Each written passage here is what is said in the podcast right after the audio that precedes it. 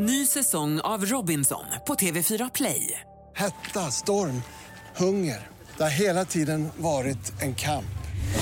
Nu är det blod och tårar. Fan händer just nu. Det. är Detta är inte okej. Robinson 2024, nu fucking kör vi! Streama söndag på TV4 Play. Podplay. I den här podden har jag berättat om David Isaks sista tid i frihet, om honom som människa och som journalist. Men ambitionen är också att söka svar på varför den eritreanska regeringen håller honom fången och berätta om Eritrea som land och dess unika historia. I det första avsnittet så tittade vi på livstecknen under åren och i det andra på David som publicist. Och nu i det tredje ska vi försöka besvara frågan om vilken typ av regim det är som håller honom fången. Jag som pratade till Martin Schibbye är journalist och författare, har gjort två reportageresor till Eritrea och länge sökt svar om kollegans liv och försvinnande. Det här är Jakten på David, en podd från Expressen med mig, Martin Schibbye från Blankspot.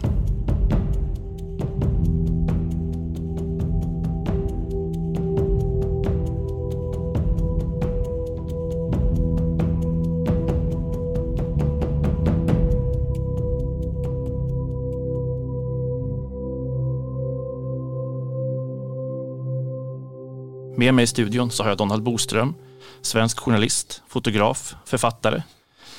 Känd för skildringarna från Israel-Palestina-konflikten, flera mat, kokböcker, senast en bok om kaffe. Det eh, finns mycket man skulle kunna prata med dig om, men du är här idag för att du nära, närmare än många andra har följt utvecklingen i Eritrea sedan slutet av 80-talet. Och du har flera gånger också träffats och intervjuat Eritreas president Esaias Afewerki mannen som avgör Davids öde. Välkomna. Tack. I dagarna besökte Eritreas utrikesminister Osman Saleh Stockholm.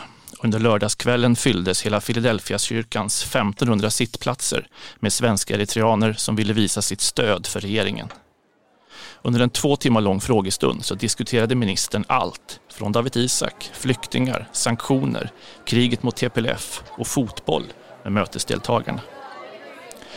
Osman Saleh har varit utrikesminister i Eritrea under lång tid och gjorde sig kanske mest känd i svenska medier när han till fransk radio 2016 sa att David Isak och kollegorna mådde bra, skulle få en rättegång och därefter släppas fria. När han nu gästade Sverige så kom han direkt från Genève där Eritrea valts in i FNs råd för mänskliga rättigheter med 144 röster av världens 194 länder. Självförtroendet var med andra ord på topp. Vi har jobbat hårt och länge för att få det här stödet, så det kom inte som en överraskning. Men det är en stor seger att vi valdes in, sa Osman Saleh till publiken och möttes av rungande applåder. Under en lång tid så har det här MR-rådet kritiserats för att länder som begår övergrepp är medlemmar och att rådet agerar selektivt vad gäller vilka länder som kritiseras. Men Eritrea har istället menat att de motsätter sig vad de kallar en politisering av de mänskliga rättigheterna. Mötet i Philadelphia-kyrkan utlystes för enbart två dagar sedan, men uppslutningen var trots det stor. En del hade kört hela natten från Norge och Danmark för att komma fram i tid. Arrangörerna själva räknade med att det finns cirka 40 000 personer i Sverige med rötter i Eritrea. Till det tillkommer en diaspora i Norge, Finland och Danmark som alla hänvisas till ambassaden på Lidingö. På podiet hade man dekorerat med sex enorma eritreanska flaggor och på dukar bakom visades bilder från demonstrationer runt om i Europa och slagord som “Never kneel down”. Vid entrén stod både Säkerhetspolisens livvakter och vanliga poliser samt arrangörernas egna säkerhetsstyrka i gula västar. Runt omkring sprang också förvånade medarbetare i kyrkan som trott att de hyrt ut en eritreansk förening och plötsligt hade hela huset fullt av Säpos livvakter och en eritreansk minister. I en svart ram på scenen så ståtade också den svensk-eritreanska fotbollsspelarens Alexander Isaks signerade matchtröja. På första parkett satt hans pappa. Perspektivet under det halvtimmeslånga talet av utrikesministern var ovanifrån, från Örnens horisont. På regionen, floderna, Röda havskusten. Han beskrev det diplomatiska arbetet genom att fokusera på vad som förenade Somalia, Sudan, Etiopien och det egna landet istället för vad som skilde dem åt. Vi är alla länder med stora naturresurser och kring detta försöker vi samarbeta. Prioriteten för oss är samarbetet och utvecklingen, sa han. Dagens möte, sa ministern, skulle handla om politik och diplomati, inte om ekonomi. Sen öppnade han upp för frågor och en skog av händer sträcktes upp under kyrkans tak. 2018 drack vi champagne och firade att TPLF var besegrade och freden med Etiopien. Vi trodde att den etniska uppdelningen skulle ha försvunnit. Men TPLF verkar ha återuppstått från de döda. Hur gick det till? frågade en av mötesdeltagarna. Andra frågade om relationen med Saudiarabien och Qatar och Sudan. Och vad händer egentligen med Badme? En del var oroliga över att kriget fått utvecklingen i landet att stanna av igen. Hur ska vi motarbeta fattigdomen? Och sanktionerna, vad kan vi göra för att få bort dem? Flera personer från Danmark undrade hur det var med Kenya. Var Kenya nu USAs nya samarbetspartner på kontinenten? Frågorna haglade och ministern antecknade. Efter ett tag var det fullt på pappret och arrangörerna satte streck. Ministern sa skämtsamt att han hade antecknat hälften av frågorna och att resten fick de påminna om honom igen. Sen satte han sig till rätta och började berätta.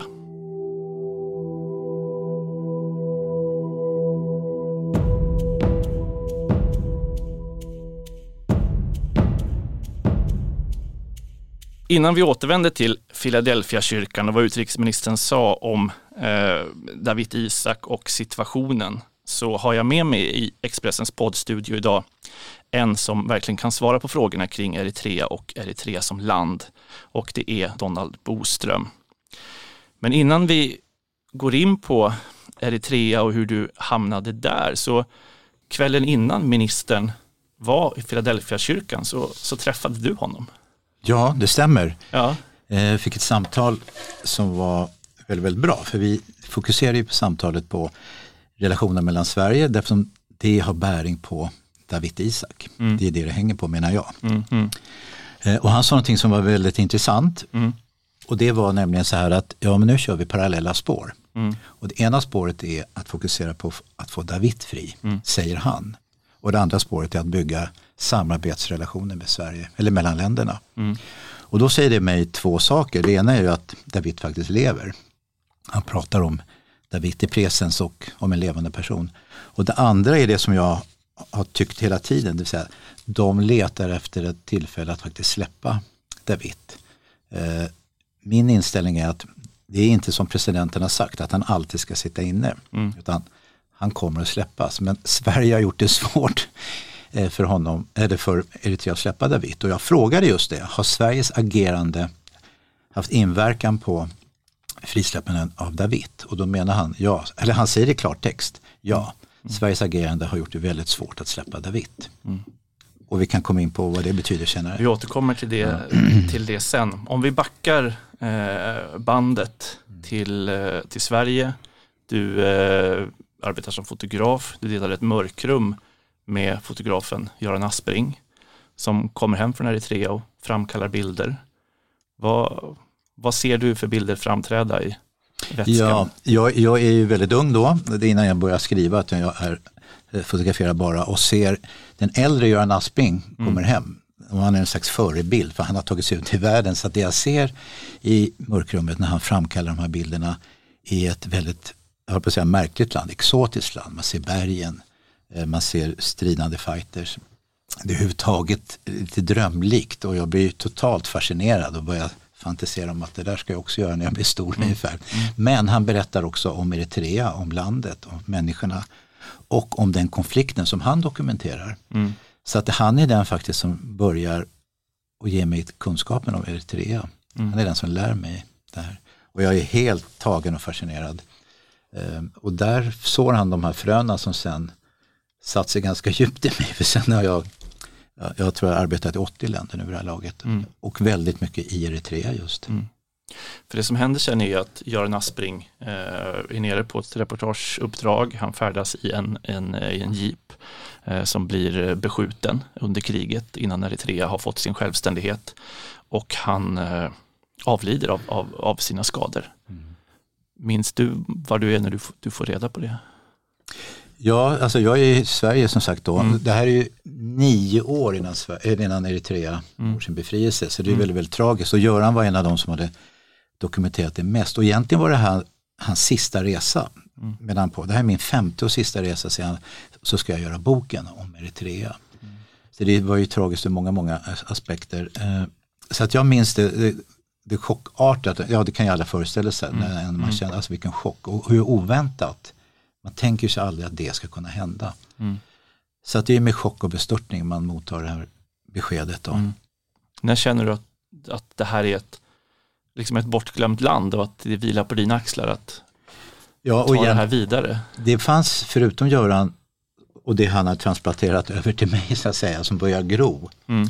Och att jag börjar känna att jag ska kliva in i den här rollen. Så fanns det ytterligare en person som heter Lars Bondestam. Som egentligen inte var journalist men han jobbade mycket för biståndsorganisationer. Men skrev också. Och Lars Bondestam och jag planerade en resa tillsammans i februari, i slutet på 80-talet. Och jag öppnar den här stora Dagens Nyheter som var väldigt stor på den tiden och ser att Lars Bondestam har blivit av en landmina.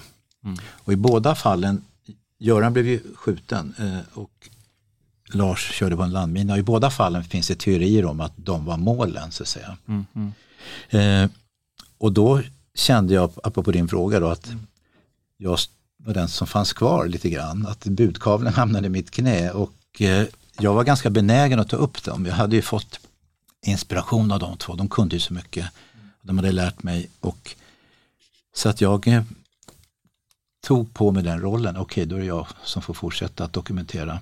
Eh, och då kan jag säga det också, jag vet att Svenska Dagbladet hade en lista på vad frilansjournalister skulle ägna sig åt. Mm. För att det skulle gå, gå dem väl här i världen. Längst ner på den listan stod Eritrea. Ja. Det var ingen omskriven konflikt vid den här tiden? Nej, det var ingen omskriven. Och trots att det under den här perioden, både under Görans period och sen när jag tog vid så var det vid många tillfällen världens största konventionella krig. Mm. Det dog, eh, ja, vid Sorona-fronten där jag var till exempel, då dog det 10 000 på två dagar. Mm. Slaget om hamnstaden Massawa som var avgörande, då dog det 5 000 på en dag. Mm. Och det, jag, jo, jag tror det var en notis då i någon tidning. Sådär. Mm. Så att den var verkligen inte omskriven. Eh, och jag hade tänkt mig att det egentligen skulle vara det, för så att den tiden eh, från 1974 framåt så var det Etiopien en sovjetisk lydstat. Mm. Och väst hade ju all eh, anledning i världen att så säga skriva negativt om, om Sovjet. Mm. Eh, men det gjorde man inte särskilt mycket. Så det är svårt att förklara, det var en väldigt bortglömd konflikt. Mm. Absolut. När du kommer ner, börjar jobba och du börjar följa liksom, ja. den här väpnade kampen för Eritreas självständighet. Vad är det för typ av, av rörelse som, eh, som, som du möter? Hur skulle du vilja beskriva den, eh, den rörelsen? När jag kommer ner på plats och möter dem, då är det en rörelse som är väldigt etablerad. De har ett väldigt starkt självförtroende på 80-talet. De hade ju då ja, redan 77 börjat vinna nästan varenda slag mot den stora övermäktiga Etiopien med stöd av Warszawapakten. Mm. Eh, och redan 78 så är de framme strax utanför huvudstaden och alla tror att nu kommer Etiopiens, mm. eller eritreanska befrielserörelsen ta, ta och befria landet. Mm. I panik får ju då Etiopien hjälp av Warszawapakten som sätter in luftbroar från Östtyskland och många andra lydländer så att säga. Så att då bombas ju EPLF som de heter mm. eh, upp i bergen tillfälligt. Men de eh, hade redan då självförtroendet eh, att de hade kunnat och att de hade lyckats. Och sen började de sen därifrån då äta sig framåt steg för steg under 13 år. Mm. Så att det är en väl organiserad eh, eh, organisation med stort självförtroende och väldigt demokratisk. Eritreanska befrielserörelsen var också kända för att ha mycket kvinnor. Mm. Eh, de flesta säger att det var kanske 30% kvinnor, en del säger 25% men väldigt, väldigt många kvinnor. Eh, och jag har intervjuat sista åren är många av dem så att, mm. kan jag berätta kanske sen också. Då. Mm, mm. Men, och dessutom hade de självförtroendet att ha konkurrerat ut eh, den andra befrielserörelsen ELF. Så att nu dominerade EPLF. De vinner slagen, de är väl organiserade och de är unikt eniga. Det finns ingen splittring vid den tidpunkten. Mm. Och eh, jag intervjuade en tillfångatagen etiopisk general som säger att det är det som kommer göra att de kommer vinna och vi kommer förlora. Mm. Så trots att de står upp då mot dåtidens starkaste militärmakt med, med stöd från Sovjetunionen så, så lyckas de militärt besegra eh, den etiopiska armén Ja. i ett antal stora pansarslag mot slutet.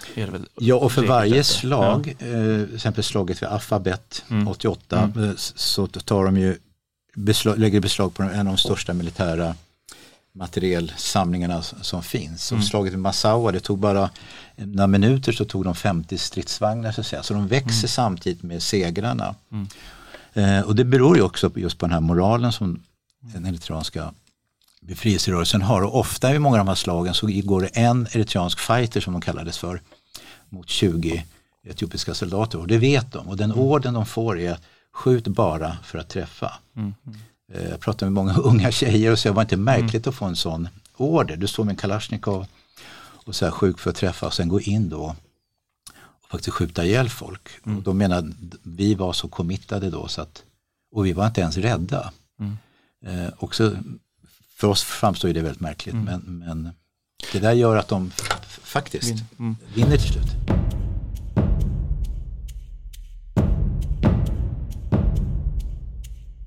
Ny säsong av Robinson på TV4 Play. Hetta, storm, hunger. Det har hela tiden varit en kamp. Nu är det blod och tårar. liksom. Fan händer just nu. Det. är Detta är inte okej. Robinson 2024, nu fucking kör vi! Streama söndag på TV4 Play. Poddtips från Podplay. I podden Något Kaiko garanterar östgötarna Brutti och jag, Davva, dig en stor dos skratt. Där följer jag pladask för köttätandet igen. Man är lite som en jävla vampyr. Man har fått lite blodsmak och då måste man ha mer. Udda spaningar, fängslande anekdoter och en och annan arg rant. Jag måste ha mitt kaffe på morgonen för annars är jag ingen trevlig människa. Då är du ingen trevlig människa, punkt. Något Kaiko, hör du på Podplay. Därför är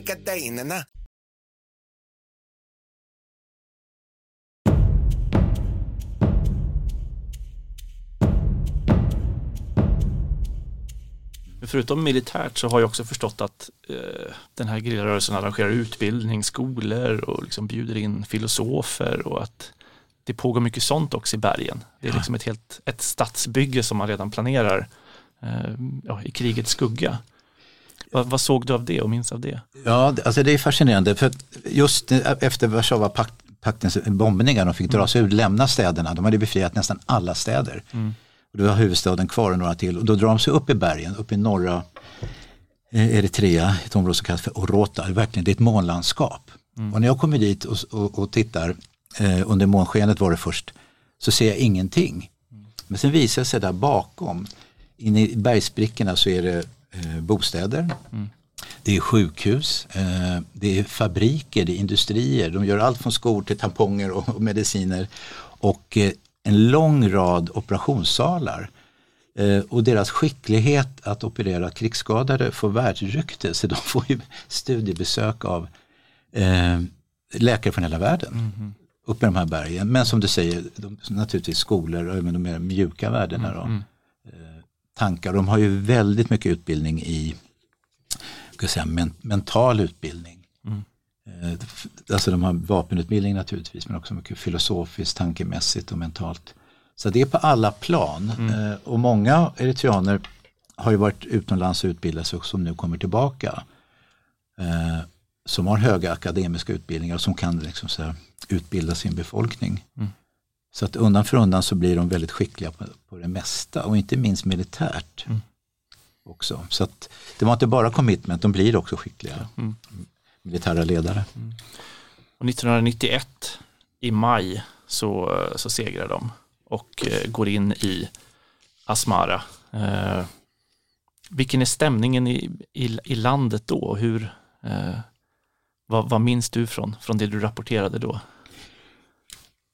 Ja, jag minns naturligtvis väldigt väl. Jag är för det första i den sista fronten bara månader innan, Mm. det kan ha det fronten.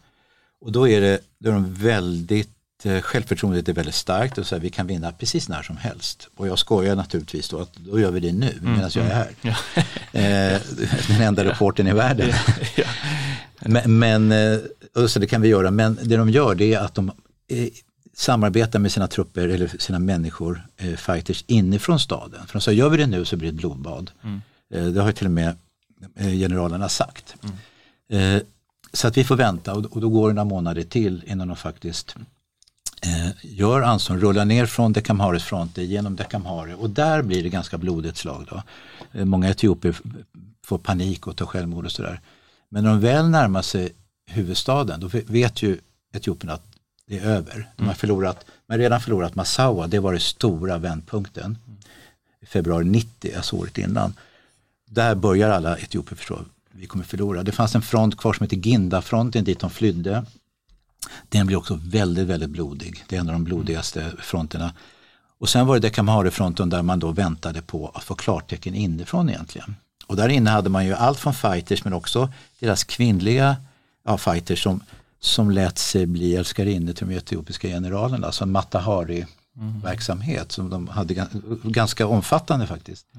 Och fick massa information av den typen. Men vid ett visst tillfälle så fick alla klartecken, nu rullar vi framåt. Och då förstod etiopierna det och flydde på klassiskt vis med helikoptrar. Och eh, FPLF-fighters då gick in i staden och det var en enorm överraskning för eh, Asmaraborna som huvudstaden heter. De, ha- de hade inte haft en aning. Det, det finns ju ingen kommunikation av olika skäl. Och dels för att det var hemligt. Då, men, så att de kommer ut på gatorna helt förvirrade. Vad är det som händer? Och så ser de sina fighters istället för de etiopiska soldaterna. Som slår en ring runt staden och sen öppnar de då eh, den här ringen och säger till de etiopiska soldaterna att nu kan ni gå hem. Så får de då gå ut söderifrån, söderut. Och man undviker ett blodbad. Men undrar, i, I princip tror jag inte det sköts ett enda skott, avlossades ett enda skott i, när man tog huvudstaden. Det hade skett i, det, kan ha några mil därifrån innan då. Eh, så, så det, eh, var ändå, folk var naturligtvis lyckliga och jag menar, tänk dig själv efter 30 år så är det äntligen över. Hur pass förstört är, är landet? Alltså vad är det för land som de tar över? Rent fysiskt var det inte väldigt mycket förstört. Mm. Eh, det, naturligtvis var det bombskador här och var och, och liksom sådär, men det var inte Warszawa 45. Nej, nej, alltså så nej, var det inte. nej. Rent det fysiska och eh, som tur var Asmaras art deco Mm. arkitektur var liksom helt oskadd. Liksom bara sliten. Däremot så hade etiopierna tagit väldigt mycket av det inre materialet. Man har tömt fabriker på maskiner, man har tagit bibliotekens böcker, Mm. bankernas pengar och så vidare. Så att när EPLF kommer in och ska ta över det här landet så är det liksom, då står det verkligen på noll. Mm. Eh, sen finns det en mängd minor, alltså det finns hur mycket minor som helst. Så det är många herdepojkar som har eh, dött under årens lopp då, så att säga. Men eh, de flesta av de här, eh, här fronterna och skyttegravarna var ju utanför städerna i oändlig terräng och liksom så. Så att själva förstörelsen av marken eh, var inte så omfattande som man kan tro. Trots enorma bombningar och trots ett enormt krig. Det var mera förödande när det gäller liksom dödsfall av människor. Det var ju hundratusentals. Av en ganska liten befolkning. Ja, det. så alla hade någon, i varje familj fanns det någon som hade fått ge sitt liv. Ja, så var det ju. Ja, ja. Och, och ännu mer för, faktiskt för Etiopien. Som sagt, vid Sorona-fronten, där, ja nu är vi för sig inne på nästa krig, men alltså. Ja. mm, Nej, men man, kan, man kan komma dit för att samtidigt som eh, EPLF befriade Eritrea så går ju också TPLF som då har slagits mot eh, Mengistu i, i eh, den etiopiska eh, liksom, diktatorn. Eh, och eh, ja, går in i Addis Abeba och genomför en, en, en liknande liksom, politisk omvälvning där.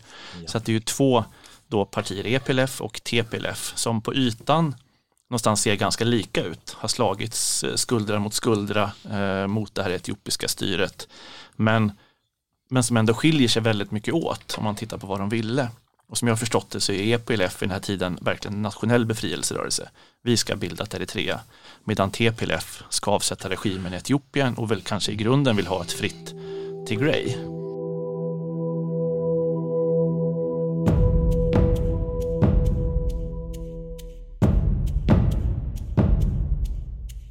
Vilken roll spelade de här skillnaderna mellan rörelserna då för det som, det som sen händer tänker jag? Och hur pass tydligt blev det att nu när man hade vunnit så, så uppenbarar sig åsiktsskillnaderna. Man var överens så länge man hade en gemensam fiende så att säga men nu drog man åt olika håll. Från början så trodde alla att det inte var någon skillnad. Alltså eh, TPLF i Tigray eh, bildades som en separatiströrelse 75, de var 50 stycken tror jag, när de började bli tränade av just EPLF i Eritrea. Och under den resans gång, under den träningen, så lyckades Isaias och de andra eritreanerna övertyga TPLF om att sluta vara separatister, bli all-etiopiskt som det hette, all Etiopien. Gå mot huvudstaden, befria hela landet och ta över. Och de lyckades övertala TPLF så att de sa okej okay, så gör vi. Eh, sen fortsatte samarbetet, året efter 76 så har de växt till 150 personer. Och sen växer de till en enorm arm- stridsvagnsarmé. Och det är därför de, som är ganska liten, de är också 5-6 miljoner av, ja, idag är Etiopien 114 miljoner, faktiskt kan dominera, gå mot huvudstaden i en samordnad planerad aktion. Så att TPLF går till Addis och EPLF går mot Asmara, alltså befriar de det där. Och då tror alla att det faktiskt är så, att de är alletiopiska. Sen har ju TPLF märkligt nog 27 års regeringstid. Alltså, och märkligt därför att de är så små, alltså jämfört med hela befolkningen. Och etniskt dominerar landet med sin, sitt styre. Och under tiden, det vi inte förstår och förser, så eh, för de över de militära resurserna till sin provins, till Tigray. Eh, Så att nu då, när kriget bröt ut här nu, så är 80% av Etiopiens militära resurser i Tigray och mycket av ekonomin. Så att därför är det ändå som du säger, de blev övertalade först att bli alletiopiska men bakom kulisserna så samlar de i ladorna i sin provins och också ändrade konstitutionen. Och där är en berömd artikel 39 som säger att man har rätt att separera som, som provins. Och de gör också om de geografiska provinserna som heter Vollo, Gondar, Godjam och så vidare till etniska provinser så att de heter efter de etniska namnen. Eh, Benshingul Gummus, Gummusfolket då till exempel och, och Tigray och Amhara och Afarfolket. Så att de ändrade till en etnisk inriktning med rätt att splittra. Eh, Och det görs inte i Eritrea. Nej. i områdena nord och syd och väst och ja, där, öst eller motsvarande regioner. Ja. Ja, och Eritrea har nio befolkningsgrupper som eh, idag identifierar sig som eritreaner i första hand och sen sin grupp. Men i Etiopien så har de stolta etiopierna idag börjat identifiera sig utifrån sin folkgrupp. Utom amharerna. Säger du det till en amhar, är, du amhar? Så säger de, nej jag är etiopier. Säger du till en afar, eller en tigray, är du etiopier? Och säger jag, nej jag är tigray. Så att det har blivit en etnisk splittring och en enorm etnisk konflikt.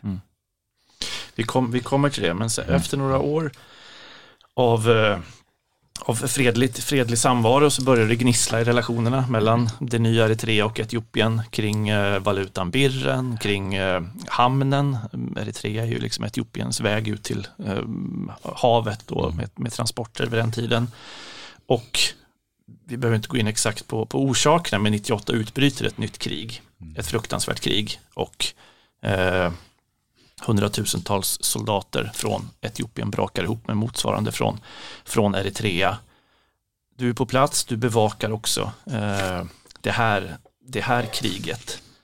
Eh, minns du vad, vad du tänker då? Alltså här har vi ett land som liksom var denna nya nation i Afrika och som skulle bygga eh, ett, ett, ett rättvist samhälle och nu befinner du dig i skyttegravar igen med människor som alldeles nyss hade vunnit. Ja, det var många tankar. Det första är att det är otroligt tragiskt. Som sagt, efter 30 år så fick de inte fred. Det blir ett nytt eh, förödande krig av två skäl. Alltså dels för att ja, krig är krig och Etiopien går in på ganska bred front och då bombar man sönder ganska mycket i västra runt Senaf och, eh, områdena. Och, och det är, när jag är där så är det, sägs det att det är ungefär en miljon internflyktingar. Och jag ser också stora tältläger med, eritreanska flyktingar Då, så att säga. Så att dels det förstås och dels uppenbarar sig att man börjar förstå att eh, TPLF när, fortfarande när sin dröm om ett stort Tigray. Därför att det här syftar till att ta delar av Eritrea som går gränsa mot Tigray. Men det kanske ja, allvarligaste som händer långsiktigt det är att för första gången uppstår en spricka bland eritreanerna. Det har jag aldrig gjort förut. De har varit otroligt patriotiska, lojala och sammanhållna och eniga. Eh, som jag brukar säga då unikt eniga. Men här uppstår en spricka. Och då, då händer två saker i det. Det ena är att ett gäng säger att vi kan inte ta ett krig till, vi måste hitta en politisk lösning med Etiopien och ge kompromisser. Och de andra sidan säger, som verkar vara majoriteten då, säger precis tvärtom. Nej men vi har krigat i 30 år för vår befrielse, vi kan ju inte ge upp vi är tillbaka. Då har vi förlorat 30 års krig. Den sidan vinner. Men det som också händer det är att den här minoriteten börjar då eh, ha synpunkter på presidenten Isaias sätt att styra landet. Att han förmi- eh, minimerar demokratin, han samlar inte till möten, han diskuterar inte frågorna och problemet utan han sköter allting själv. Och den splittringen, eh, jag vet inte hur mycket vi kan komma in på det, men den splittringen mm, mm förändrar Eritrea i grunden för alltid. Det leder till att man får fakt- att många av de här gamla eh, generalerna, ministrarna, parlament, parlamentsledamöterna fängslas. Och det blir en djup spricka i Eritrea som sen bara har ökat. Med en opposition som inte fanns innan, men som finns och är stor nu. Eh, så det krig, kriget var totalt förödande på nästan alla plan. Ja, och som du säger så grips ju då eh, ett antal journalister, bland annat David Isak eh, och parlamentsledamöter och den här G15-gruppen som, eh, som vill gå i en annan, i en annan riktning. Eh, när är du tillbaka i Eritrea efter 2001? Minns du det? För det som är, du gör en väldigt berömd intervju med, med Afewerki och som jag minns den är ju den första liksom, svenska journalisten som lyckas få en, en intervju med honom. Eh, och det sker 2009.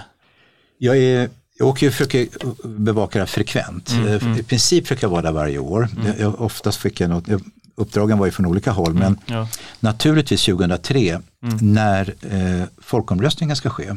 För att eritreanska befrielserörelsens mål var inte bara att befria landet som det alltid normalt är.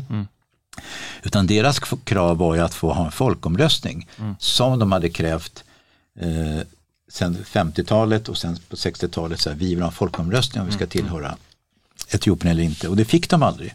Så att den genomför de 1993 och det är först då de också får ett erkännande i världen. Sverige erkänner Eritrea och FN och alla möjliga länder. Eh, Så då är jag förstås där och sen är jag där 95 och 96 och och 97. Så att jag åker och för- för- försöker följa då den process, den här glada positiva processen tror man. Men jag tänker efter 2001 när de har gripits. Ja, är det ett annat Eritrea som, du, som du märker då? Märks det av mycket? Ja, På ytan märks det, eh, alltså på ytan märks det inte särskilt mycket, men när man, som, när man ska prata med personer så är man faktiskt förs- försiktiga. För det som hände också då eh, efter 2001 så- och som jag sa menar var förödande för landet, det är ju att allting förändras. Innan så hade presidenten sagt det ska bli fria val. Han hade till och med utlyst fria val i december 98 tror jag. Eh, en demokratisk konstitution för första gången i landet. Fri press, det tror vi startar 18 fria tidningar. Eh, och framtiden ser ljus ut. Men så kommer det här kriget med den här splittringen som jag nämnde och då anser presidenten att, att det inte bara är en splittring utan att det är landsförrädare. Och hans slutsats är att det inte går att ha demokrati. Han ställer in valen, han ställer in konstitutionen, han fängslar journalister och politiker och folk blir nervösa. Han sätter säkerhetstjänsten på fötter ute bland folk. Så att de vet att man inte alltid kan säga vad som helst längre. Och det märks. Som svar på din fråga. Absolut. När du lyckas få till den här intervjun så är ju den eh, unik och jag minns ju att eh, Afi sig då liksom väldigt hårt ändå när du frågar om David Isak. Det är en lång intervju, den är väldigt sevärd, den ligger på TV4. Eh, jag såg den för inte så länge sedan och den behandlar ju en rad ämnen. Eh, med men just frågan om, om David så svarar han ju att jag bryr mig inte ens om vad han är eller vad han gör. Han har gjort ett misstag, han är ansvarig för vad han har gjort. Och när du fortsätter fråga så blir svaret vi frier honom inte. Vi tar honom inte till en rättegång. Vi vet hur vi handskas med honom. Vi har vårt eget sätt att hantera sådana som han. Vad tänker du om hans, om hans svar då, 2009? Vad, kom, vad, vad, kommer det ur? Liksom? Jag, eh, jag var ju väldigt laddad, jag hade hur många frågor som helst. Mm. Ja. Stämde. Får man den här chansen. Ja. Och när jag går in till intervjun och sätter mig framför kameran så är det en person bakom mig som säger okej du kan ställa en fråga om David Isak. Mm. Och så det går ju inte, om man inte får den intervjun så måste man faktiskt göra sitt jobb. Som, För det är ett stort pådrag hemma i Sverige också. Det är Ja. att eh, Aftonbladet då som drar, nu ska vi få svar om David och Donald Boström på plats. ja, I, även Expressen. även Expressen ja, drar, precis. Det är ju en, det är ju en medial händelse att du har fått den här chansen Ja, att det blir en ställa de här timme, frågorna. Ja, det blir en timme i TV4 och jag frågar naturligtvis många frågor om David och jag frågar om pressfriheten, om demokratin, om kommande val. Jag frågar om Nordkorea och. Ja, ja. Och, och innan jag kommer till det, ja, du sa så, ja. så, så han blir väldigt, väldigt arg. Mm. Eh, och så här i efterhand så är jag glad att jag lyckas behålla fattningen faktiskt. För att Mm, han eh, skräder inte orden. Och då ska man veta att Sverige började 2001 efter Davids eh, fängslande med, med, med att vara tuff. Hårda ord, man kräver sin medborgare fri och man avbryter massa samarbeten. Universitet som samarbetar mellan länderna får sluta med det, avbryts och andra saker. Så Eritrea är redan arg. Sen fortsätter eh, Sverige att villkora eh, samarbeten med, med att David ska släppas fri. Så att relationerna går i stå. 2005 så börjar man diskutera frågan igen lite grann. Sen blir det val 2006 och då fortsätter den här eh, nya regimen då, eh, regeringen, förlåt, att vara villkora Sveriges, eh, eller villkora Sveriges relation med Eritrea med att David ska släppas fri. Så att det är ingen relation. Så att när jag kommer till honom Så är dörren stängd i princip. så redan. är dörren redan stängd och han markerar två saker till Sverige. Det är så här, stick och brinn, jag bestämmer, vi bestämmer. Så att det, är en, det är ett meddelande till Sverige där han sätter ner foten. Om ni inte har fattat det här innan så måste ni fatta det nu. det meddelandet kommer väl fram till Sverige och eh, någonstans så blir ju David Isaksen en, ett, ett trauma egentligen för utrikesförvaltningen. Jag tänker utanför entré till UD så, så står en sån här marmorbänk tillägnad Raoul Wallenberg. Så jag tänker varje dag som de går till jobbet, alla diplomaterna, så går de förbi den här bänken. Eh, han greps ju eh, av Röda armén 45 och avled enligt officiella uppgifter 47 i Lubjanka-fängelset. Och frågetecknen kring hans öde och kritiken framförallt av den svenska senfärdigheten och undfallenheten har ju skapat ett, ett trauma kring ett diplomatiskt misslyckande.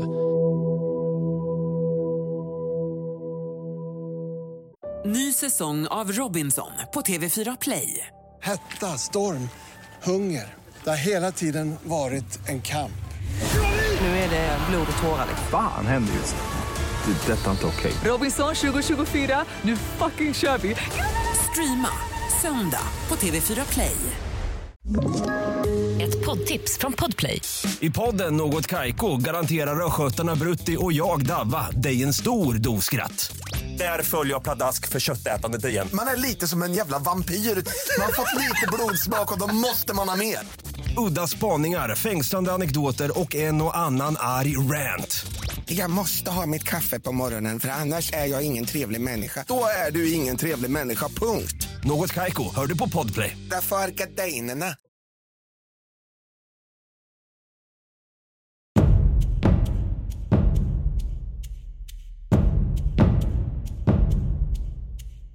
Men du börjar också skriva texter sen eh, som berör detta och som handlar om hur ska de här signalerna från Eritrea tas emot?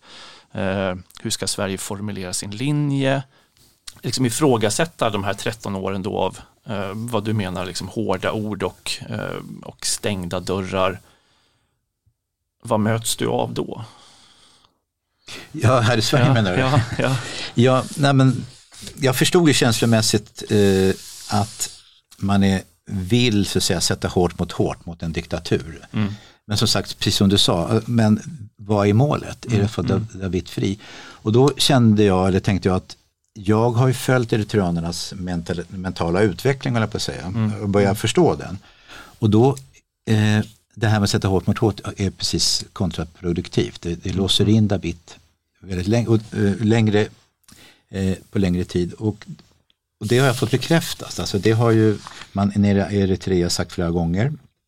Jag frågade utrikesministern nu som sagt var, Mm, har Sveriges agerande försvårat ett frisläppande och så här, ja så, så är det. Och det jag menar att det är det här vanliga, man ska rädda ansiktet på sin motpart, då kan man nå resultat så att säga och dialog. Men Sverige började redan 2001 som sagt var med tuffa metoder, bestraffningar, då stängdes dörren.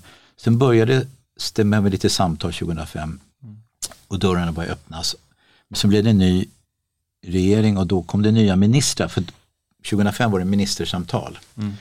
Eh, och då åkte de ministrarna ut och så blev det nya eh, ministrar med nya villkor.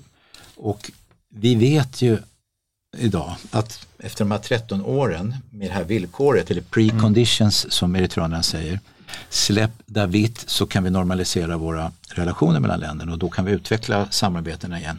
Det är ingenting som eritreanerna köper, utan då stänger de dörren. Och sen blev det också slags olyckligt att det blev någon slags aktiviststämning i, i, i Sverige. Där, där inte bara David-gruppen som ska vara aktivister och göra ett bra jobb, vilket jag tycker att de har gjort. Eh, men även media blev aktivister och även regeringen blev aktivister. Eh, och då eh, låstes, och då skar det faktiskt hjärtat man kunde se att man låste in David allt längre. Och jag tillhör de som tror att David skulle ha blivit släppt 2005 om Sverige hade ag- agerat annorlunda. Både då och sen efter. Eh, så att det är väldigt, väldigt sorgligt. Men, men eh, så att man kan ju tycka att eh, en diktatur ska så att säga bestraffas. Eh, men jo, det kan man göra, men det är ingenting som hjälper David. Så att säga. Alltså man har tyvärr det valet. Och vissa bryr sig faktiskt inte om David. De vill störta regeringen. Men de flesta, i alla fall i Sverige, eh, Sverige är ganska eniga om det, att David ska faktiskt släppas fri. Och då, då, är det, då är det en annan metod, en annan strategi att uppnå det målet. Jag tänker din, din omsorg om David här när du ser vad som är på väg att hända, hur nyckeln vrids om varv efter varv, är att du, du lämnar journalistiken under en period. Du slutar i princip skriva om Eritrea och först i efterhand så har vi förstått ganska nyligen då att du istället har agerat som ja, rådgivare, erbjudit dina kontakter till diplomater, varit en dörröppnare. Varför tog du det beslutet? Kan, och kan du berätta lite om det, det arbetet? Eh, Jag funderade mycket på det. Mm. Jag fick ju frågan faktiskt av många under en ganska lång period. Kan inte du kliva in Mm. och eh, eh, för, försöka hjälpa till att få David fri? Mm. Och det är klart att man vill. Eh, och samtidigt, det här handlar om lite om timing också, så fanns det en minister i Eritrea som också ville ha David fri. Mm. Eh, Det fanns ganska många. Eh, Men det var väldigt svårt att föra fram det eh, i Eritrea. Så att han och jag började diskutera ganska mycket, hur ska vi göra? Och han, blir, eh, han är naturligtvis ganska nervös för det får inte komma fram. Eh, och då öppnades den, kan kalla det för, politiska diplomatiska vägen. Och jag framför här till den dåvarande regeringen att det här, här finns en dörr, här finns en öppning. Och eh, att det här kan jag spela en roll. Och då, då, säger jag, då kan jag inte samtidigt sitta på två stolar. Så då, och det där hände då tidigare och sen hände det igen då 2014. Eh, när eritreanerna har stängt dörren och de vill inte prata med Sverige. Och då finns det en informell grupp, alltså förutom vid sidan av Sveriges regering, med eritreaner och jag är med i den gruppen också som, som lyckas steg för steg få, få kontakt och man vill inte prata. Till slut säger okej vi ska prata, vad vill ni prata om? Och så, så bygger vi upp det där till slut så, så blir det faktiskt så att det godkänns i Eritrea att faktiskt möta Sverige. Och då möts vi i Helsingfors och då är det fredspristagaren Marte Artisar som bjuder in oss. Båda sidor och vi pratar. Och då är det naturligtvis David som är fokus, som är huvudfrågan. Och ja, och då igen så kan inte jag agera journalist utan då får jag liksom kliva in i den rollen. Och jag, under många, många år varken skriver eller säger jag eller berättar jag någonting. Och många uppfattar det här tror jag som ett försvar för Eritreas regering eller president. Eh, för jag försöker då ha en mer diplomatisk eh, linje. Och, men inte bara för det utan för jag vet att det är det som bär frukt. Davids eh, frisläppande. Så, eh, och då formuleras det där i Helsingfors att ja, har man en breddad eh, relation inom andra områden, då är det inte oklädsamt att även prata om David Isak och deras familj. Och då sägs också runt det bordet att David ska eh, släppas fri. Det kommer inte ske imorgon, men då påbörjas den processen. Sen kraschar Sverige en gång till med den eritreanska regimen senare. Och, det- så att för mig som har följt honom där så har det varit en berg och dalbana. Jag har, jag har skrivit mina anteckningar till jul vid David Fri. Jag, har liksom, jag har haft förhoppningar i, i mötena med eritreanerna och sen har dörrarna slängts igen. Ja, du sitter till och med på Arlanda med hans provisoriska pass. Eh, Ja, eh, och- och en ett flygbiljett. Och en flygbiljett, ja. Ja. Så, ja, så pass. Vi hade en flygbiljett eh, på Lufthansa och eh, ett provisoriskt pass som sagt var. Och vi tror vid flera tillfällen att det här ska gå. Så det är en berg och dalbana och det som som sagt, som Osman Saleh, utrikesministern nu säger, så har Sverige s- så då, ja vad kalla vad vi vill, men hårda agerande eller villkorsagerande eh, försvårat frisläppandet. Men man kan också se att i deras agenda så finns ett frisläppande. Eh, men att det hänger väldigt mycket på Sverige. Och det där kan man tycka vad man vill om, men eh, det är så det är. För jag tänker du, när du är väl engagerad i så blir det tydligt att UD lyssnar på dig eller om de tar in också in sig själva att de har kört in i väggen med den här strategin. Och jag intervjuade ju Per Enarsson för, för en tid sedan som blev ambassadör tidigt 2015 och han beskriver helt öppet att ja, då byter Sverige fot. Då inleder vi en ny strategi. Istället för hot och sanktioner så är det kontaktytor och fokus på att lösa gränsfrågan. Alltså det som är olöst efter kriget 98-2000. Och man förankrar strategin hos oppositionen och man vill att liksom Sverige ska tala med en, en röst. Eh, ingen vill göra det till en partipolitisk fråga. Och man slutar också med mycket man har gjort innan. Man slutar be andra länders statschefer att ta upp Dawit med Eritrea för att det, man har också konstaterat att det skapar en väldig irritation. Eh, och man föreslår olika program och samarbeten och ja, man vill nästan mer än Eritrea försöka hitta vad kan vi samarbeta, vad kan vi spela boll. Eh, och sen kommer det här maktskiftet i Etiopien, freden kommer, eh, på Sergels torg samlas eritreaner och etiopier, ambassaderna träffas som inte har setts på liksom, 20 år, familjer återförenas i, på flygplatsen i Asmara och man tänker så här, vad gör ett land som Eritrea nu? Ja, man kanske inte håller fria val imorgon och man kanske inte inför en, en, en, eh, liksom en fri press direkt, men symboliskt så borde man ju släppa ett antal fångar. Eh, men så, så händer ingenting. Eh, och här, här minns jag att när jag träffade dig vid något tillfälle under de här åren så, så varnade du för saker som jag inte såg då kring, du berättade att TPLF tränar en milis i norra Etiopien.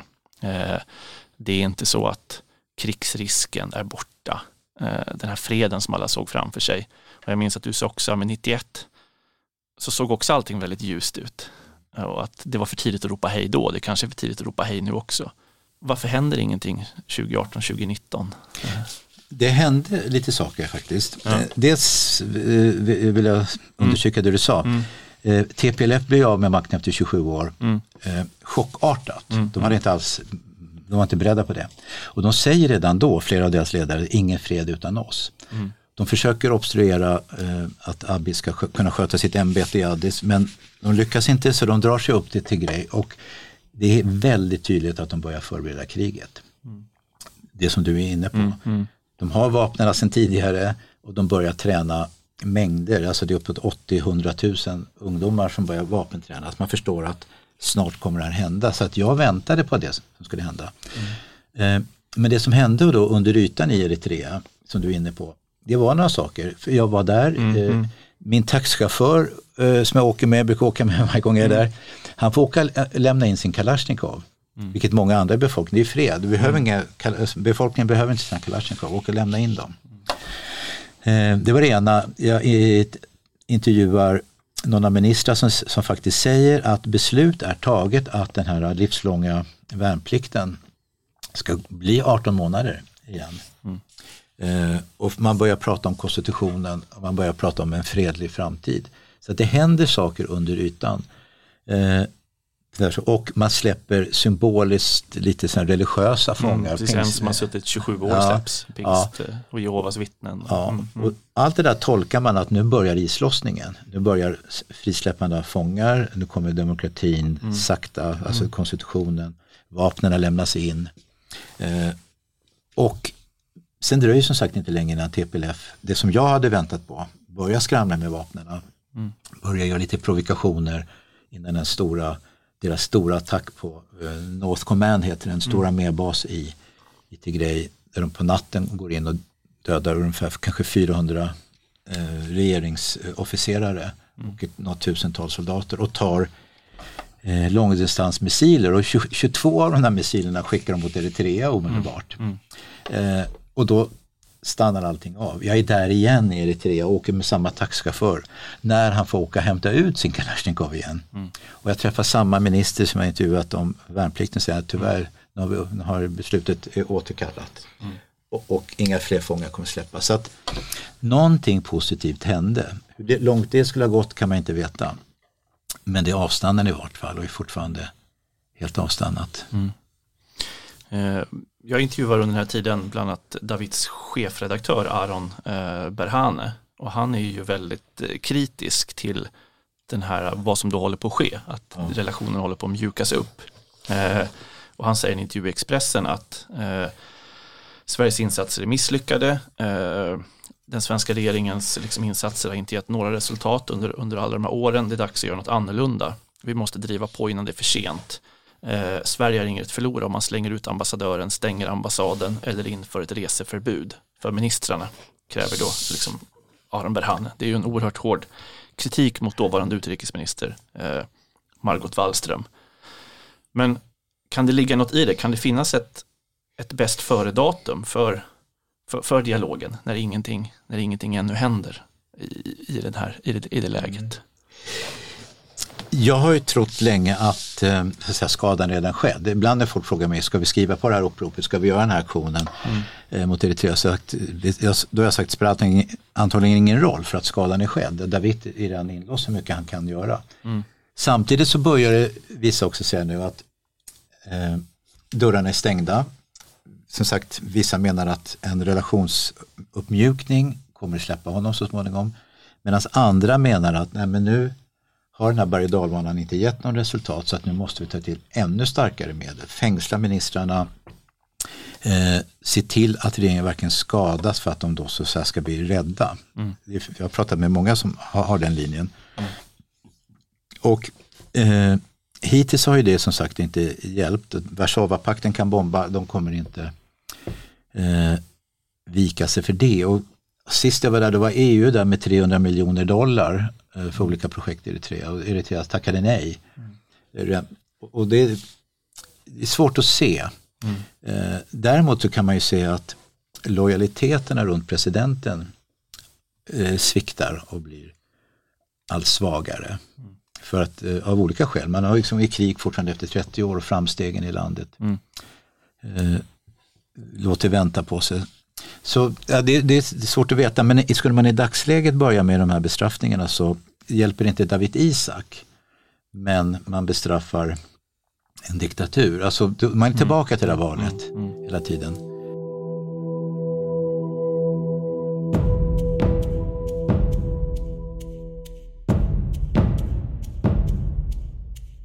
Tillbaka i Philadelphia kyrkan så börjar Eritreas utrikesminister beta av frågorna en efter en. Han trycker igen på att landets prioritet är ekonomi, politik och säkerhet. För länderna som Nilen och Röda havet förenar Eritrea med, säger han. Han berättar också att hans prioritet är att hålla ihop regionen, men att vissa länder vill sticka ut och att det krävs mycket diplomati och även debatt. En stor fråga och ett akut problem som många mötesdeltagare återkommer till är relationen till Sudan. Och utrikesministern säger att man vill ha en stark vänskap till Sudan men att det är komplicerat eftersom det finns både en militär del och en civil del av Sudans nya styre efter att al-Bashir störtades. Dessutom förändras styrkeförhållandena i den här koalitionen mellan de militära och civila delarna. Han säger att de som land aldrig kommer lägga sig i det som sker i Sudan eller göra något som skadar landet men att man är orolig för att man ser det stöd som man menar att Sudan ger till TPLF. De har noterat, säger han, hur Sudan har öppnat sina gränser och låtit gerillan träna och transportera vapen. Det är TPLFs enda väg in och de hyser nu även eritreanska oppositionella. Han får också frågor om att hur kunde TPLF uppstå från de döda och säger att han inte vill prata så mycket om hur det kunde ske.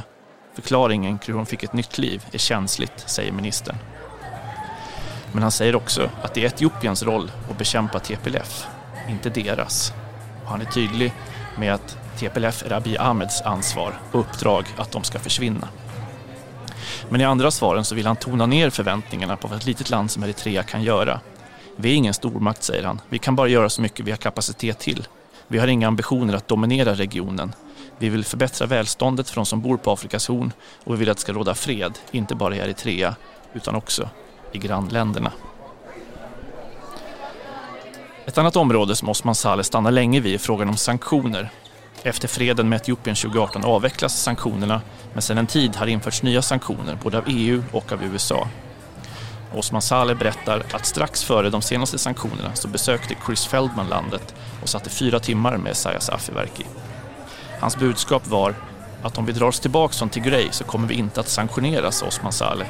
Men hade vi gjort det då så hade TPLF vunnit. Det här var under en period då den etiopiska armén var svag efter att attackerats och vi behövde vara där, så vårt svar var självklart. Välkommen att införa sanktioner om ni vill det, berättar Osman Saleh.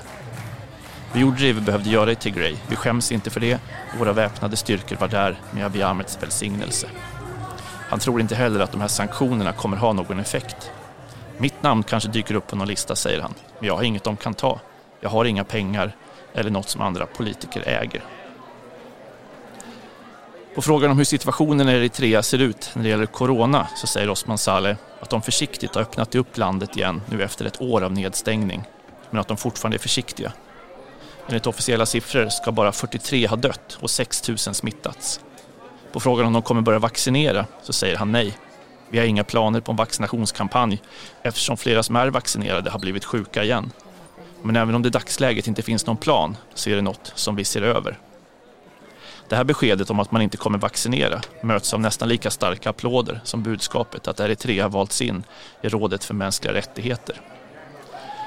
Ja, Donald, du var kanske inga nyheter för dig, Osman Sales eh, budskap och, och tankar.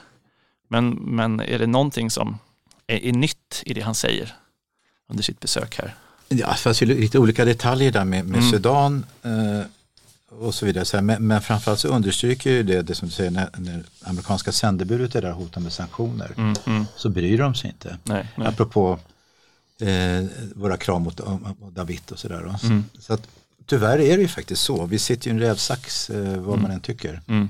Eh, och sen att eh, ja, lite märklig syn på med coronan ja. kanske. Nu är ju bara uh, 2 av den afrikanska befolkningen vaccinerad i stort. Ja. Men, men ändå, han öppnar ju också för att man ska titta på det. Men det är ju ändå ja, lite är... illavarslande. Jag tänker också på att Eritrea har ju fått beröm av FN för sina vaccinationsprogram kring, kring mässlingen eller kring, kring andra barnsjukdomar där man ja. har varit framträdande i Afrika. Det förvånar mig lite. Flera eh, inom flera hälsoområden så har de visat sig eh, gå, gå framåt. Men mm. både, jag kommer från Etiopien nu som mm. har en befolkning på 114 miljoner mm. Och 5 000 har dött i corona. Mm. Eh, och i, vad sa vi i Eritrea, är det 11 som har dött? Ja, 63. Ja. Alltså 63 Nej, nu, ja. jag såg en gammal lista. Ja. Så att där är, de, vi vet inte svaret för vad det kommer sig av. Man kunde gissa först på att de, ligger, de bor utspridda och det är värmen och sådär men samtidigt i storstäderna bor de inte utspridda. Nej. Så att, eh, det är svårt att veta.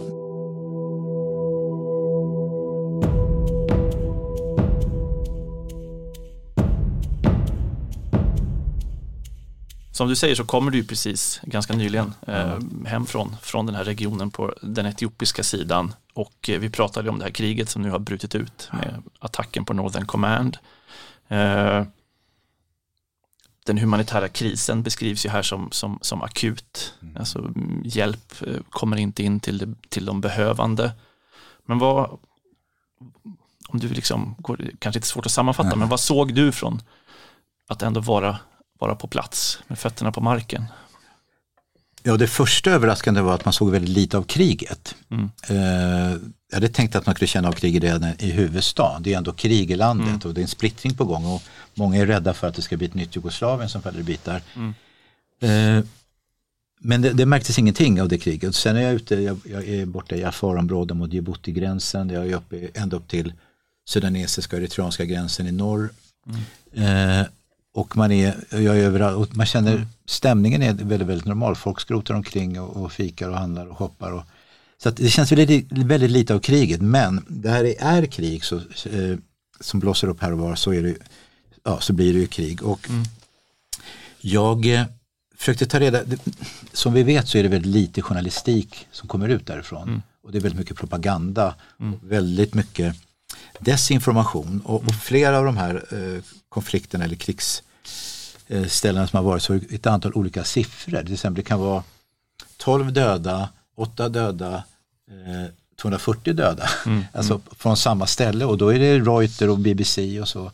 Så att det, det, jag försökte titta på några saker och framförallt försökte jag titta på den senaste massakern som var då skedde i augusti, när jag var där i slutet.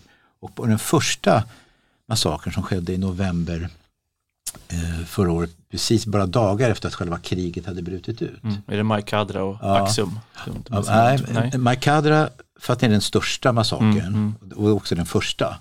Eh, Och det är också en lång rad olika siffror. Och den sista var i Dalikoma heter det, i Afar-området. Eh, och jag vet inte om någon annan varit före där men jag försökte liksom reda ut hur kommer det sig att det är sån diskrepans mellan siffrorna. Och till exempel BBC sa i Dalikoma åtta döda. Och reporten står på sjukhuset och intervjuar läkaren. När hon ser 12 döda. Eh, och det stämmer, 12 dog på sjukhuset. Men om man åker till själva byn med de nedbrända hu- eh, by, eh, det, hyddorna och intervjuar änkorna och befolkningen och offren och tittar på massgravarna så kommer man väldigt mycket närmare 240 döda. Och, det, och så var det hela tiden. Eh, ett annat exempel är ju på min telefon dyker upp Twittermeddelanden Desi har fallit. Desi är en stor stad. Och jag börjar fråga mig runt, nej det var ingen i närheten som hade hört eller sett det. Och så kommer det flera medlemmar som säger att befolkningen flyr söderut. Och fortfarande är det ingen som har hört talas om det där, så att jag åker dit. Jag säger vi åker dit och tittar. Och vi möts av en stad som är godan ro, eh, där livet går sin gilla gång på shoppinggatorna och kaféer och sådär. Och eh, det är ganska typiskt den här konflikten att det är väldigt svårt att veta vad som överhuvudtaget är sant och inte sant. Så att det, ja, det är det stora problemet. Det andra stora problemet är ju att TPLF som faktiskt startade kriget just för att, som vi pratade om innan här, eh, skapa sitt stortygrej. De kan inte sluta kriga. Alltså det är en väldigt märklig slutsats. Deras existensberättigande beror ju på att vara separatister och lyckas befria Tigray till en egen stat. Och går de med på eldupphör så upphör deras, upphör deras existensberättigande. Så det gjorde de ju inte. Så att när federala styrkorna, regeringsstyrkorna eh, drog sig tillbaka i ett eldupphör så passade då TPLF på att gå in i Amhara-områdena som ligger närliggande och Afar-områdena. Och De sker- motiverar ju det med att det är för att få in humanitär hjälp. Ja. Att eh, bryta blockaden. Ja, och då kunde man då se eh, väldigt många döda. Eh, och, och alla sidor har ju be- begått väldigt mycket brott mot den civilbefolkningen. Det är eh, nästa slutsats i det här kriget. Civilbefolkningen lider fruktansvärt. Och alla grupper, alltså även TPLF-arna, eritreanska styrkorna, federala styrkorna och ett gäng andra grupper från OLF och allt möjligt eh, våldtar befolkningen. Och, eh, eh, ja, plågar befolkningen. Så det är ett av de typiska exemplen. Men, men eh, eh, det andra är ju hur ska det här lösas? Där Regeringen och Amhara vill ha ett land som heter Etiopien, kort och gott. Eh, och Romo vill ha en stark federation, ett stort självstyre med en egen president och regering. Men en centralregering ändå som slutar i utrikes och ekonomiska frågor. Och TPLF som vill ha en egen stat. Det är tre olika linjer. Och eh, hur, det finns ingen politisk lösning på det och det finns ingen eh, eldupphör som kan lösa detta. Och då är frågan hur ska det sluta? Och då är det kanske en amerikansk linje eh, som kan bli den som man gissar kommer lösa det här. Eh, och det är att TPLF så får ett så starkt inflytande i en ny regering så att de så att säga, kan ta det som en kompromiss.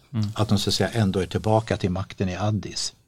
Men inte själva, men ändå har väldigt starkt inflytande och får ett självstyre i sin provins, dock inte som stat. Eh, det där vet in- ingen om Abiy går med på eller om Eritrea går med på för att för Eritrea är TPLF deras enda fiende. TPLF vill ockupera Eritrea.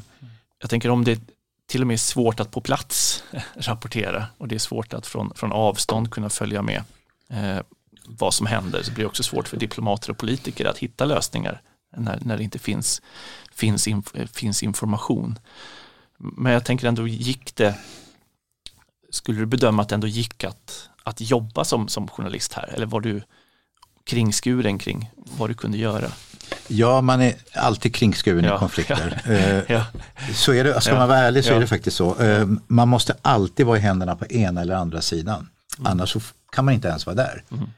Det är inte- var inte bara att vara inbäddad i, som i Irakkriget eller så, utan Mm. så är det i alla konflikter. Sen kan man stretcha på den här friheten så mycket som går och jag gjorde det som jag hade önskat. Eh, Jag kanske hade önskat grejer som jag inte hade fått göra. Eh, I någon mån så är, står man under kontroll. Eh, Å ena eller an- andra sidan. Eh, Och så är det bara. Och, men det här är ett problem. Det här är ett typiskt eh, propagandakrig. Apropå det här med Desi igen så, så berättar ju då eh, väldigt många att just TPLF som är väldigt skickliga just på sociala medier. Efter 27 år i administrationen så har de nätverket och så. Rusar in i en by eller en stad som i Desi, tar en selfie eller en Facetime snutt och säger nu har vi tagit Desi. Och så går det ut på Twitter och det är det eh, känslan av att de är framgångsrika och starka och så vidare. Sådär som man krig alltid har varit. Eh, man brukar ju säga den här klyschan med sanningen och det den första offret, ja. Eh, och så är det ju verkligen. Men det är väldigt, väldigt tydligt att det går inte att göra någonting utan en eller andra sidans eh, ja, kanske inte välsignelse men att godkännande. Mm, godkännande. Och så är det ju. För mig tog det sju, åtta månader när jag fick visum, komma, journalistvisum då till Etiopien. Och kommer man då till affärområdet, ja då kommer ju då den lokala administrationen eh, och kollar alla tillstånd och sen eh, är man ju så att säga under bevakning. Vad ska ni göra? Jag vill, jag vill göra det, jag vill åka dit och dit. Sen i de konkreta situationerna när man till exempel är i Dalikoma och ser de nedbrända byarna, ser artilleriammunitionen ligger där och man ser änkorna och då, då ber man att alla går bort. Jag vill prata och intervjua lokalbefolkningen själv utan att ni är här. Så gjorde de faktiskt det eh, i, i samtliga fall. Sådär. Men eh, ja, man är i händerna på en eller andra sidan. Alltid.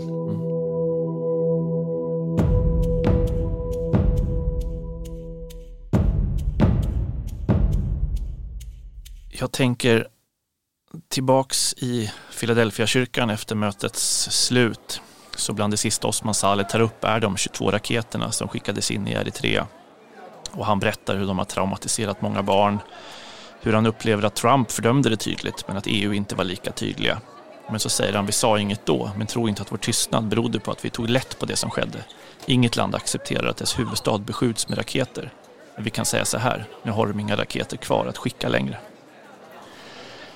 Efter mötet går jag ner till podiet för att försöka få en intervju med ministern. Han vill först inte säga någonting. Jag gratulerar då till att ha blivit invald i FNs råd för mänskliga rättigheter. Han mjuknar lite och jag frågar sen om mötet med Ann Linde. Han skiner upp, beskriver det som väldigt positivt. Sen tar jag sats och ska fråga, men då hinner han före. Jag vill inte, inte alls, säga något om David Isak. and the region at large. Yes, yes. And about David Isak? Dawit Isaak, yes. I don't have anything to talk about Dawit Isaak.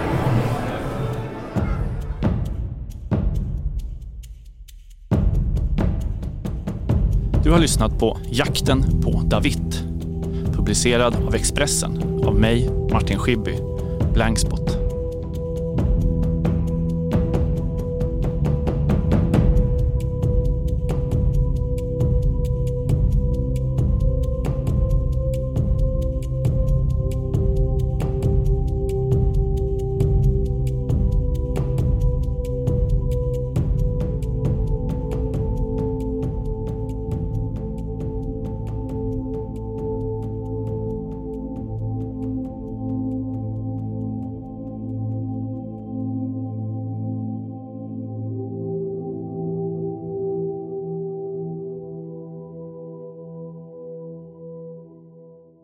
Du har lyssnat på en podcast från Expressen. Ansvarig utgivare Klas Granström. Ny säsong av Robinson på TV4 Play.